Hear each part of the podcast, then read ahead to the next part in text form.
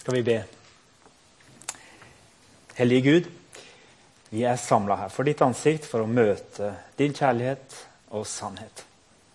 Send oss din ånd. Gjør oss åpne for det du vil gi oss. La ditt ord slå rot i våre hjerter, så Jesus lever i oss, og vi blir ett i deg og tjener deg i alle ting. Amen. Hørte dere litt av det som var i den teksten nå, som eh, Oddbjørn leste? Og Gud makter å gi dere all sin gave i rikt mål, så dere alltid og under alle forhold har nok av alt. Ja, har overflod til all god gjerning. Språk det er interessant, og uttrykk er interessante. For akkurat det der å ha nok av alt det kan vi bruke i litt forskjellige sammenhenger. Litt avhengig av hvordan vi legger trykket på setningen. Nå har jeg fått nok av alt. Nå har jeg fått nok av alt. Merker dere forskjellen? Av og til så, så har språket vårt og språket blir litt sånn virkelighet. Språk skaper virkelighet. Jeg tror ofte så kan vi se på veldig mange av de utfordringene vi har i livet, ikke minst på det økonomiske området, og kjenne at nå har, vi, har jeg fått nok av alt. Det er bare for mye å holde styr på og, og vite hvordan jeg skal få orden på alt sammen og klare å få endene til å møtes. Og så er det dette bibelske ordet som lyder Gud har gitt oss nok av alt. Vi har en Gud som har gitt oss nok av alt. Og Pussig nok er det forkortelsen for den norske krona. NOK. Nok. Mektig er Han til å gi oss langt mer enn vi makter og forstår. En nåde som er ny hver morgen. Vi har mer enn nok til vårt eget. Jeg tror det gjelder for de aller, aller fleste. Jeg kjenner noen som virkelig strever også her midt iblant oss i Norge.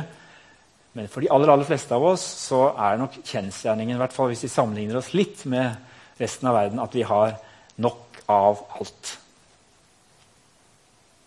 Det fins enkelte andre ord eller uttrykk i norske språk som det formelig skinner av. som vi kan være stolte av. Et annet sånt ord det er dugnad. Det fins visst ikke på andre språk. Det kan hende intensjonen og innholdet finnes. Men det er noe som eh, innvandrere som kommer til Norge, fort må lære seg. Hva, hva er dugnad for noe? Et annet sånt ord det er giverglede. Gud elsker en glad giver, har vi hørt Bibelen si. Det er noe også med det ordet giverglede som jeg egentlig tror er veldig norsk. Ingen land i verden har hatt en sånn givertradisjon som Norge når det gjelder å gi til misjon og utviklingsarbeid tradisjonelt. Både som enkeltpersoner og som nasjon. Det er ting som tyder på at både dugnadsånden og givergleden den er norske fenomener som er litt på retur i vår tid. Det mobiliseres fortsatt, sånn som TV-aksjonen for noen uker siden. og Da var det visst veldig mye giverglede mange steder i landet. En sak som mange kjente dette, dette kunne de være med på. Men giverglede, er det et ord som du kjenner at ja, det, det er mitt ord? Det er en av de tre grunnverdiene som bymenigheten smykker seg med, som uh, handler om dette. Raus. En raushet og en giverglede både når det gjelder det å gi tid, gaver, talenter, penger og eiendeler. Det drømmer vi om at kan få lov til å feste seg i ryggmargen vår, og at giverglede kan bli det aller første mennesket tenker på når de møter mennesker som hører til vår menighet. Jeg liker ordet giverglede. Ikke en sånn overfladisk uh, 'happy'. Jeg er så happy, det er så flott. Fordi jeg tror det handler om noe som er djupere enn det. En glede som kommer fra Herren selv. Og som både motiverer oss til å gi, og som også kommer underveis mens vi gir. Jeg liker det litt bedre enn givertjeneste, selv om det er det vi gjerne ofte bruker give glede for enda tydeligere fram hva som må være motivasjonen for vår raushet og våre gaver, både til menigheten og til andre som trenger vår støtte. Litt om meg selv i denne sammenhengen. Jeg har vokst opp i et hjem hvor det var mye giverglede. Mine foreldre lærte oss at det var naturlig å, å gi godt i ofringer til misjon og være med og støtte aksjoner. Og, og så var det jo disse basarene og misjonsmessene som eh, spesielt mora mi fortsatt er veldig involvert i. Nå er det også sånn at Min ganske så fromme mor hun egentlig kunne ha stått i fare for å rote seg bort i, i pengespill og lotterier hvis hun ikke hadde vært så heldig å få utløp for denne spenninga på de mange misjonsbasarene og julemessene. Der har hun til gjengjeld pleid å gå berserk i pengebruk eller giverglede. Du får ha meg unnskyldt, mamma, hvis du hører dette på nettet. Takk for at du lærte meg at det også kan være gøy å være med å gi. Å være kreativ rundt dette med givertjenesten. Og Samtidig så er vi vokst opp i statskirka, der det egentlig har vært en forsiktighet på det området, særlig når man snakker om givertjeneste inn i menighet. Vanskelig å tallfeste og snakke konkret om det, så det hørte jeg ganske lite om i min oppvekst. at uh, du bør sette av så og så mye. Jeg ble godt voksen før det ble en aktuell problemstilling. Som student så hadde jeg noen litt eldre mennesker i min nærhet som våget å være konkrete og bruke seg selv som forbilder. De begynte å snakke om hva det hadde betydd for dem å sette til side tienden allerede som helt unge. Lag deg gode vaner på det området. Vidar. Det er gode bibelske prinsipper og løfter knytta til dette. her. Du bør ikke vente til du har begynt å få veldig faste inntekter og at alt er på plass. Begynn nå. Du vil oppleve at det er løfter og velsignelser, men også godt å være lydig også på det området i ditt liv som kristen. Det er jeg veldig takknemlig for. Fordi jeg jeg opplever ikke at det blir enklere med åra. Men det å på en måte bare ha blitt enige, jeg og kona mi, om noen sånne ting som skulle ligge der enda mens vi eh, faktisk var studenter, det har vært viktig for oss. Som misjonær og menighetsplanter i Brasil så møtte jeg dette her både i gode og sunne former og i den mer rabiate utgaven. Det fins en svær menighet eh, med mange forgreininger i Brasil som heter Den universelle kirke, Igreja Universal, og de, de, lager gudstjenester spesielt designa for spesielle målgrupper hver eneste dag. Så en kveld jeg rota meg inn på et sånt møte i en av disse menighetene, en svær forsamling, mange mange hundre til stede, i Sør-Brasil et sted, så var det spesielt en gudstjeneste for selvstendig næringsdrivende som nettopp hadde lidd konkurs, eller som var i økonomiske vanskeligheter. Ja, det var faktisk 4000 mennesker der på den mandagskvelden. Presten han hadde en, eh, en, tale som var som en sånn auksjon, omtrent. Der han eh, tok for seg på en måte grupper i salen og sa at jeg opplever at dere skal gi så mye i dag. Og så opplever jeg at det er noen andre her som skal være med og gi enda litt mer. Og Det holdt han på med i 40 minutter, en kollektpreken som tok helt av. Og så På slutten så sa han at det var fem mennesker i kveld som skulle gi et virkelig stort beløp. Og jeg vet jo at virkeligheten for uh, disse stakkarene det er jo at uh, de starter på en liten lokalmenighet. Og så, og så handler det om at hvor mye, mye, overskudd de får på den lokale menigheten, det, da får de forfremmelse til en, en, litt større og bedre universell menighet et annet sted i Brasil. Så det er en del av, en del av måten å arbeide på. Og Det handlet jo veldig mye om velsignelser som de ville få hvis de var med akkurat i kveld og gikk inn i en aksjon på de neste 30 dagene. Og, og, og det å ha hørt på sånne, sånne, prekener og Dere har sikkert erfaringer med det samme. Det gjør at jeg blir veldig forsiktig. jeg kjenner at jeg, Hvordan skal man snakke om dette her, særlig som prest som står her framme, og, og, være ryddig på dette området her uten at det blir helt feil? Men det var jo de ekstreme unntakene, og jeg fikk raskt beskjed av mine brasilianske kollegaer som også hadde plantet menigheter. Du må ikke vente med å snakke om det som har med økonomi å gjøre. For det er veldig viktig i, både i etterfølgelse for de som er nye kristne, at, at, de også tar med seg den forvaltningen av ressursene sine om det er mye eller lite, inn i det å være kristen. Men det er også viktig fordi at du skal bare være her noen år. og Alle vet jo at eh, dere nordmenn har mye penger. Men, og det er lett for dem å tenke at det er dere som på en måte, dere klarer dere uten noe. Så du må begynne å snakke om det helt fra første dag. Og jeg strevde med det. For vi skulle jo dra, og vi skulle lage noe som kunne være bærekraftig etter at vi hadde reist og NMS hadde sluttet å støtte med penger. Men jeg begynte å si litt forsiktig, det er ikke noen nordmenn som eier og driver denne menigheten. Det er dere. Vi skal være her noen år, og så skal vi dra igjen. Hvis dette skal ha bærekraft, så må dere være med å gi av deres tid, talenter og penger. Vi stilte ikke noen krav til hvor mye den enkelte skulle gi, hvor stor prosent det måtte være, men vi kunne ikke helt la være å snakke om viktigheten av dette. Og dette her, det var overgitte mennesker. De var så glade i Jesus.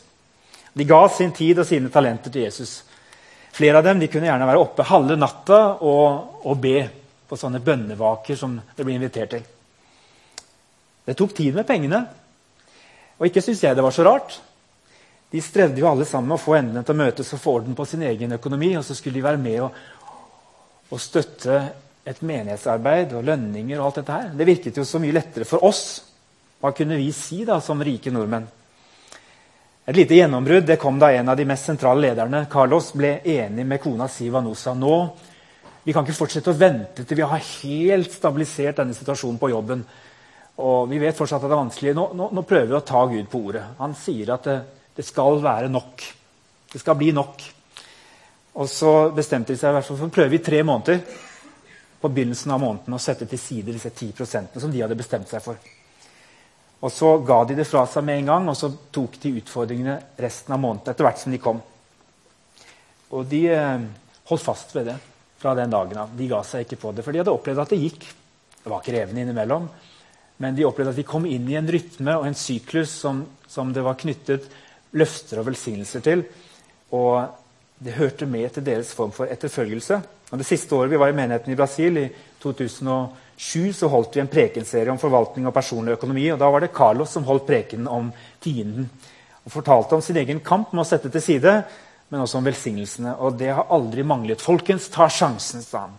Han var som en kong David som gikk foran og ga store gaver da tempelet skulle bygges i Jerusalem. Og det betydde mye. At det var noen av deres egne som gikk foran. Jeg tenker fortsatt at en skal være forsiktig med å bruke seg selv som uh, forbilde. fordi at ikke minst syns jeg det er vanskelig, fordi det er et område som jeg syns det, det, er lett å bruke penger. Det er vanskelig å forvalte. Eh, kona mi er mye flinkere til å spare og være nøysom. Jeg er relativt raus som type, men jeg er ganske raus med meg sjøl også. Og da er det ikke alltid at det blir nok på andre. Men for meg så ble det veldig viktig, litt i motsetning til det en av de på intervjuet sa, som sa at han var raus, men han trodde at han ga ganske mye, men han hadde ikke så veldig mye orden på det. For meg ville ikke det fungere, så jeg var nødt til på et eller annet tidspunkt å gjøre det veldig enkelt og tydelig og bestemme oss for en prosent. Og sette det av på en egen konto som vi kalte for givertjenestekontoen. Og så kjøre de pengene inn med en gang lønningene kommer. og Da ligger de der, og så forvaltes de til menighet og en del andre prosjekter. Og Hvis ikke vi hadde gjort det, så hadde vi aldri fått det til i praksis. Det hadde blitt for, eh, for vanskelig å holde orden på. Så er det også sånn at jeg, Når jeg snakker om dette emnet som prest i bymenigheten, så er jeg også daglig leder.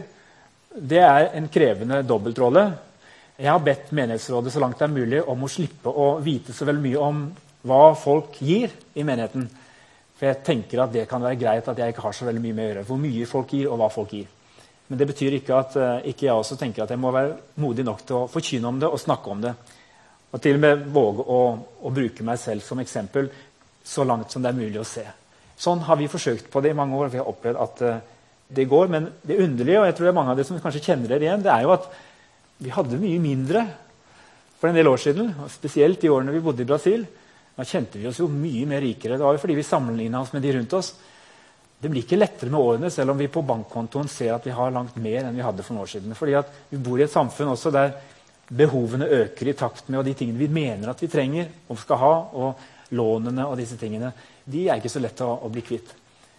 Og Derfor så tenker jeg at dette er noe vi må våge å snakke åpent om, fordi det er en, en del av livet vårt som er krevende. Hovedperspektivet i Bibelen det opplever jeg er det verset som står i første krønikebok 29,14. Alt kommer fra deg. Det vi gir, kommer fra din hånd. Det er det jeg tenker må ligge i bånn for all vår tenkning rundt det vi skal være med å gi selv. Og Da henter jeg også grunnperspektiver helt tilbake fra første Mosbok, kapittel 2, den andre skapelsesberetningen. Når Gud sier til Adam Så tok Herren Gud mannen og satte ham i eden til å dyrke og passe hagen. De ble gitt et forvalteransvar. Og i denne perfekte situasjonen som de hadde der i hagen, så hadde de alt de trengte, og samtidig så var alt Guds. De forvaltet alt det som de hadde fått. Begrepet forvalter eller forpakter det er et gammeltmodig uttrykk. Jeg kjenner det fra min barndom. Det var store prestegårder ikke den vi hadde, den jeg vokste opp i, men en del andre som fortsatt hadde store gårder fortsatt knyttet til seg. Men det var det jo aldri presten lenger som tok seg av. Og da var det forpaktere som gjorde det. Men forpakter tar seg av eiendommen og gårdsdriften, men den tilhører ikke ham, den tilhører noen andre. Og Slik er det grunnleggende sett med oss. Gud har skapt oss og gitt oss tid, penger, talenter og eiendeler. Men de tilhører egentlig ikke oss. Vi er forpaktere eller forvaltere. I dag så hører vi konstant om at vi er en del av et forbrukersamfunn. Vi lever som forbrukere. Hele vår identitet bygger vi mer og mer ut fra det vi kjøper, eier og forbruker. Vi hører ikke så mye om at vi er forvaltere, men i Guds opprinnelige gode plan så er det her vi har vår identitet. Og Det er noe frigjørende med det å være forvaltere. først og fremst. Vi har ikke vår identitet knyttet opp til hvor mye eller hvor lite vi eier og har. Det er ikke vår rikdom eller fattigdom som definerer oss. Det er det at vi er skapt i Guds bilde med en uendelig verdi som står fast helt uavhengig av den bagasjen som vi har med oss gjennom livet. Og ved slutten av livet så, så tenker jeg at det store spørsmålet et av de blir ikke hvor mye har du klart å forbruke gjennom livet, hvor mye fikk du brukt opp? Men hvordan har du forvaltet det du har tatt imot fra Gud gjennom livet? Alt kommer fra deg. Det vi gir, kommer fra din hånd. Det var en brasiliansk teolog jeg blir litt Brasil i denne talen, det var en som mente at selve syndefallet det kunne knyttes opp til rett forvaltning og forståelsen av tienden, eller det å la Gud få det som hører ham til. Det er litt dristig, men han også gikk tilbake til skapelsesberetningen og så sa han, Herren Gud ga mannen dette påbudet. Du kan spise av alle trærne i hagen, men tre som gir kunnskap om godt og ondt, må du ikke spise av, for den dagen du spiser av det, skal du dø. Det handlet jo om mange ting. Men i et forvalterperspektiv så er det kanskje noe her. I paradissituasjonen så, så var alt, alt de hadde, hadde Gud gitt dem. Til å forvalte og råde, men ikke eie. Og, så, og noe av det som er mitt, sa han, det skal du ikke røre. Det skal ligge der. Du skal se det, men det skal på en måte ikke du bruke til deg selv, eller bruke på deg selv. Det skal bare være der. Og så gjorde mennesket seg til Gud og satte seg utover sin gudgitte posisjon. Og tok seg til rette. Og I det øyeblikket mennesket ble sin egen herre, så måtte Gud også overlate det til seg selv og si ok, når du gjør deg til din egen herre i ditt eget liv, så, så må du også ut av denne hagen og ut av den tryggheten og det perfekte livet som vi har hatt her inne. Går det an å knytte det også opp mot uh, givertjeneste. Jeg vet ikke, men det var i hvert fall sånn at når Gud begynte å kalle noen mennesker tilbake og forsiktig gå en vei sammen med dem og forberede dem på Guds rike og frelsen i Jesus Kristus, så skapte han seg et folk, israelsfolket, og ganske tidlig så ga han dem noen rettesnorer som, som gikk på dette med å si noe av det som dere har, det skal dere ikke røre og bruke til dere selv. Det skal gis til Guds rike til meg. Og kanskje var det et ekko fra paradis som han prøvde å legge inn i dem. Dette skal, dere, skal være som en påminnelse om at dere egentlig forvalter ting som jeg har gitt dere. Og første tienden den legger dere til side. All tiende i landet, både av grøde på marken og av frukten på trærne, hører Herren til, sa Herren til Moses. All tiende av storfe og småfe dette er de bud som Herren ga Moses på Sinai-fjellet og bød ham å kunngjøre for israelittene, står det i 3. Mosebok 27, 30-34. Og Førstegrøden det var det man tok til side før en visste om, om resten av høsten ville bli god. Så Det lå en sånn uforutsigbarhet i det. Det var en påminnelse om at dypest sett så er det Gud som tar seg av meg, og han gir meg også det jeg trenger. Jeg skal få lov til å legge det til side, for det hører ikke meg til, og likevel være trygg på at det blir nok. Og I 4. Mosebok 1824 så står det for tienden, den hellige gave som israelittene kommer til Herren med, den lar jeg levittene få til eiendom. Derfor har jeg sagt til dem at de ikke får noen jordeiendom, slik som de andre israelittene, for de skulle tjene i tempelet. Men så sa han også til levittene at de også skulle gi sin tiende videre. Det å sponse tempeltjenesten det var en praktisk og konkret måte å sette Gud og Guds rike i sentrum på. At han skulle være sentrum i tilværelsen både synlig og konkret. Og så var det også en betydelig fattigomsorg i eh, det gamle Israel. Så mye ble gitt til de som var fattige, enker og farløse. Så var det også i perioder med Etter hvert som de fikk konger, så var det også skatt som ble gitt til kongen. Så man snakker kanskje om at 20-25% det ble, ble gitt videre. Det var ikke bare tienden. Hva med Det nye testamentet, da? Jesus han, eh, Han hadde dette med penger og forvaltning og materialisme som et av sine favorittemaer. Det er åpenbart. En fjerdedel av alle hans prekener handlet om dette. Han omtaler det 90 ganger totalt i evangeliet. Og av 109 vers i bergpreika så handler 22 om penger og forvaltning.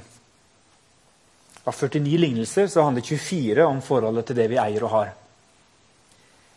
Til Mammon, som han snakket om, en gud som fort kan konkurrere ut Herren dersom den får lov til å eie oss og få makt over oss.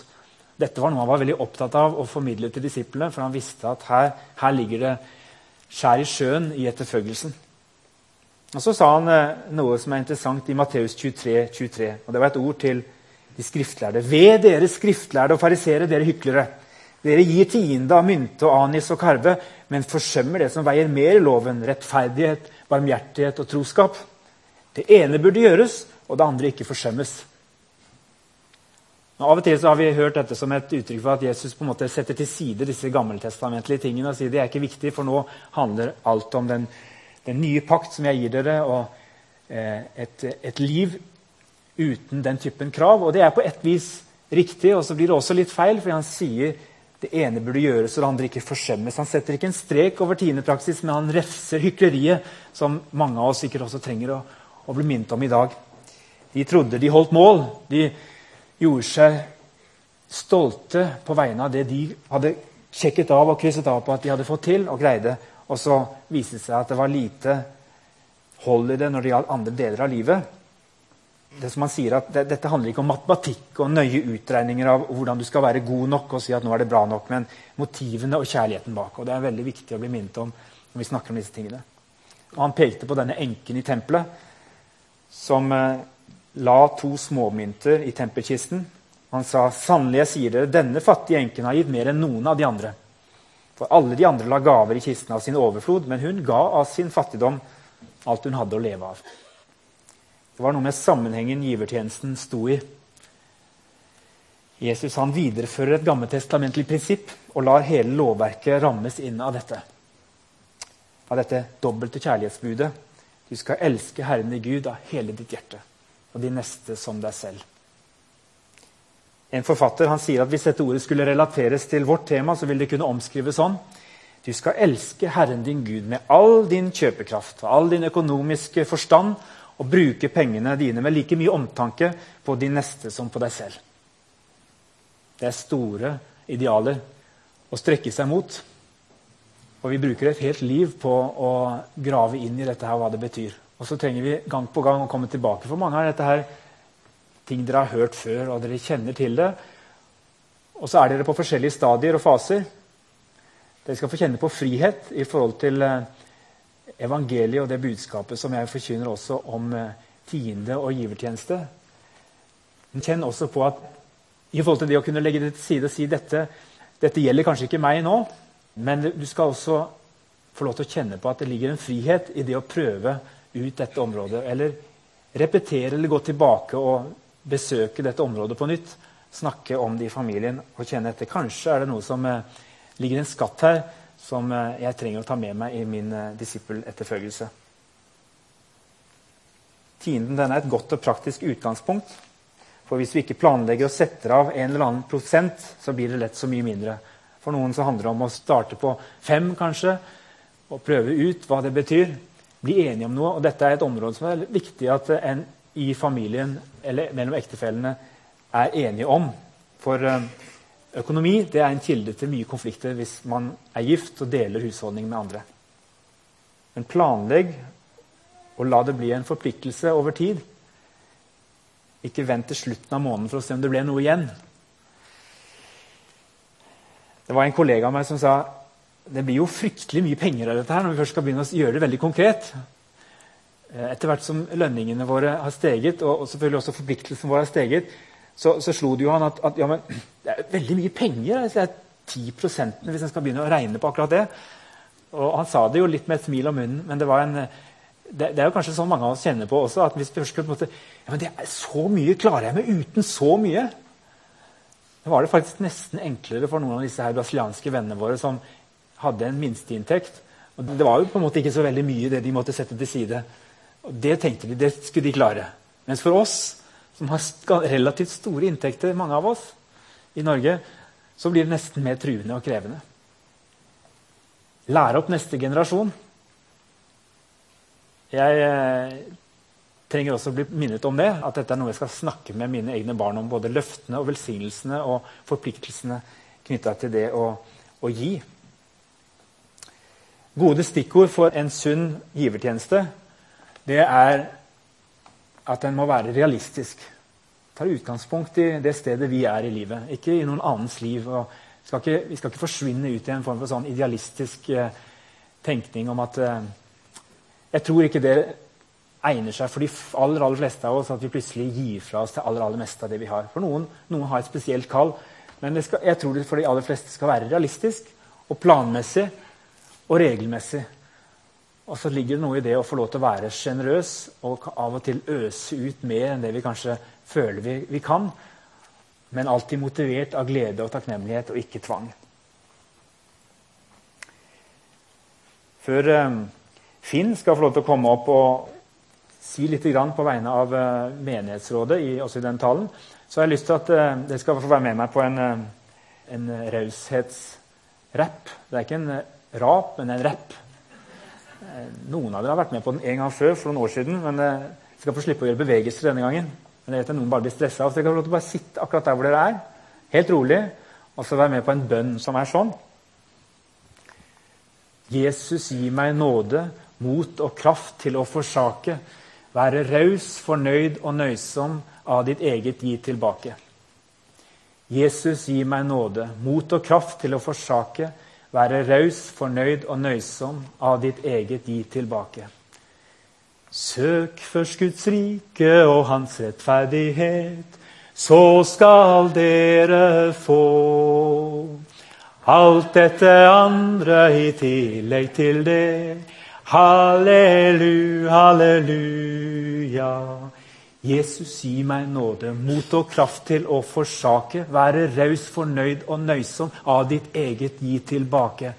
Jesus, gi meg nåde, mot og kraft til å forsake, være raus, fornøyd og nøysom av ditt eget gi tilbake. Søk først Guds rike og Hans rettferdighet, så skal dere få alt dette andre i tillegg til det. Halleluja, halleluja. Hyggelig med så mange glade givere, for det må dere være som er her i dag. Per oktober var vår givertjeneste kommet opp i 1 176 000. Et flott tall som fortjener en klapp, syns jeg.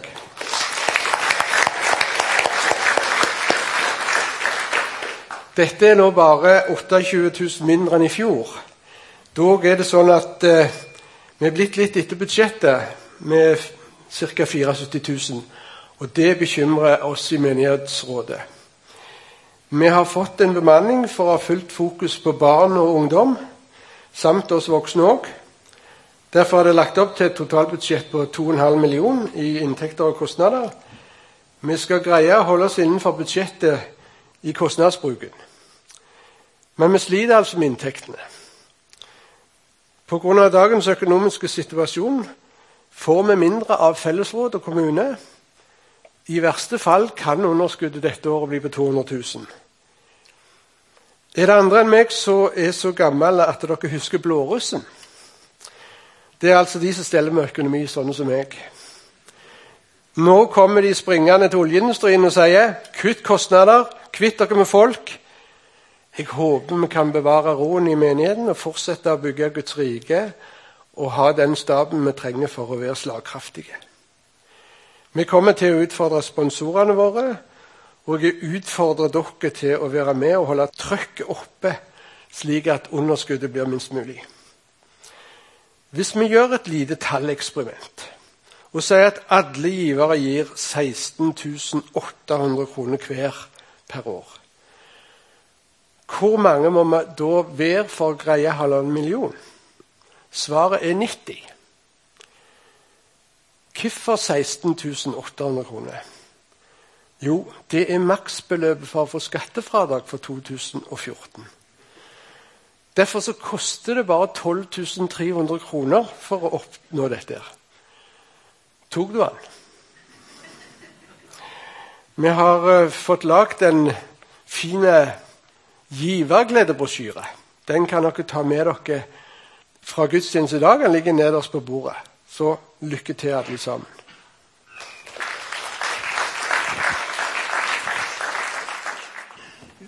Vi lytter litt til denne til ettertanken som eh, vi har med på gudstjenesten nå i høst.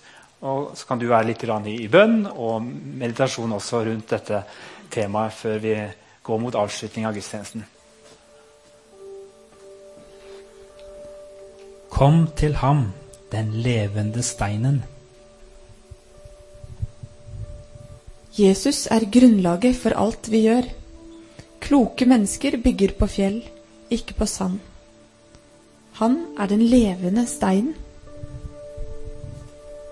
Vraket av mennesker, men utvalgt og dyrebar for Gud. Han er dyrebar. Alt som er dyrebart, ønsker vi å beskytte og ta godt vare på. Hvor mye mer dyrebare er ikke mennesker enn ting? Hvor dyrebar er Jesus for deg? Bli selv levende steiner, som bygges opp til et åndelig hus. Guds åndelige hus bygges ved hjelp av tiden og evnene hans folk deler. Ved hjelp av hans folks rause gaver bygges hans rike. Bli et hellig presteskap. Vi er hellige. Om vi ikke klarer å leve opp til den raushet Gud har vist oss, kan vi fortsatt, gjennom Jesus, bli regnet som hellige og bær fram åndelige offer som Gud tar imot med glede ved Jesus Kristus. Om vi synes våre åndelige offer er lite å snakke om, så tar Gud imot dem med glede. Gud verdsetter det vi bringer til ham.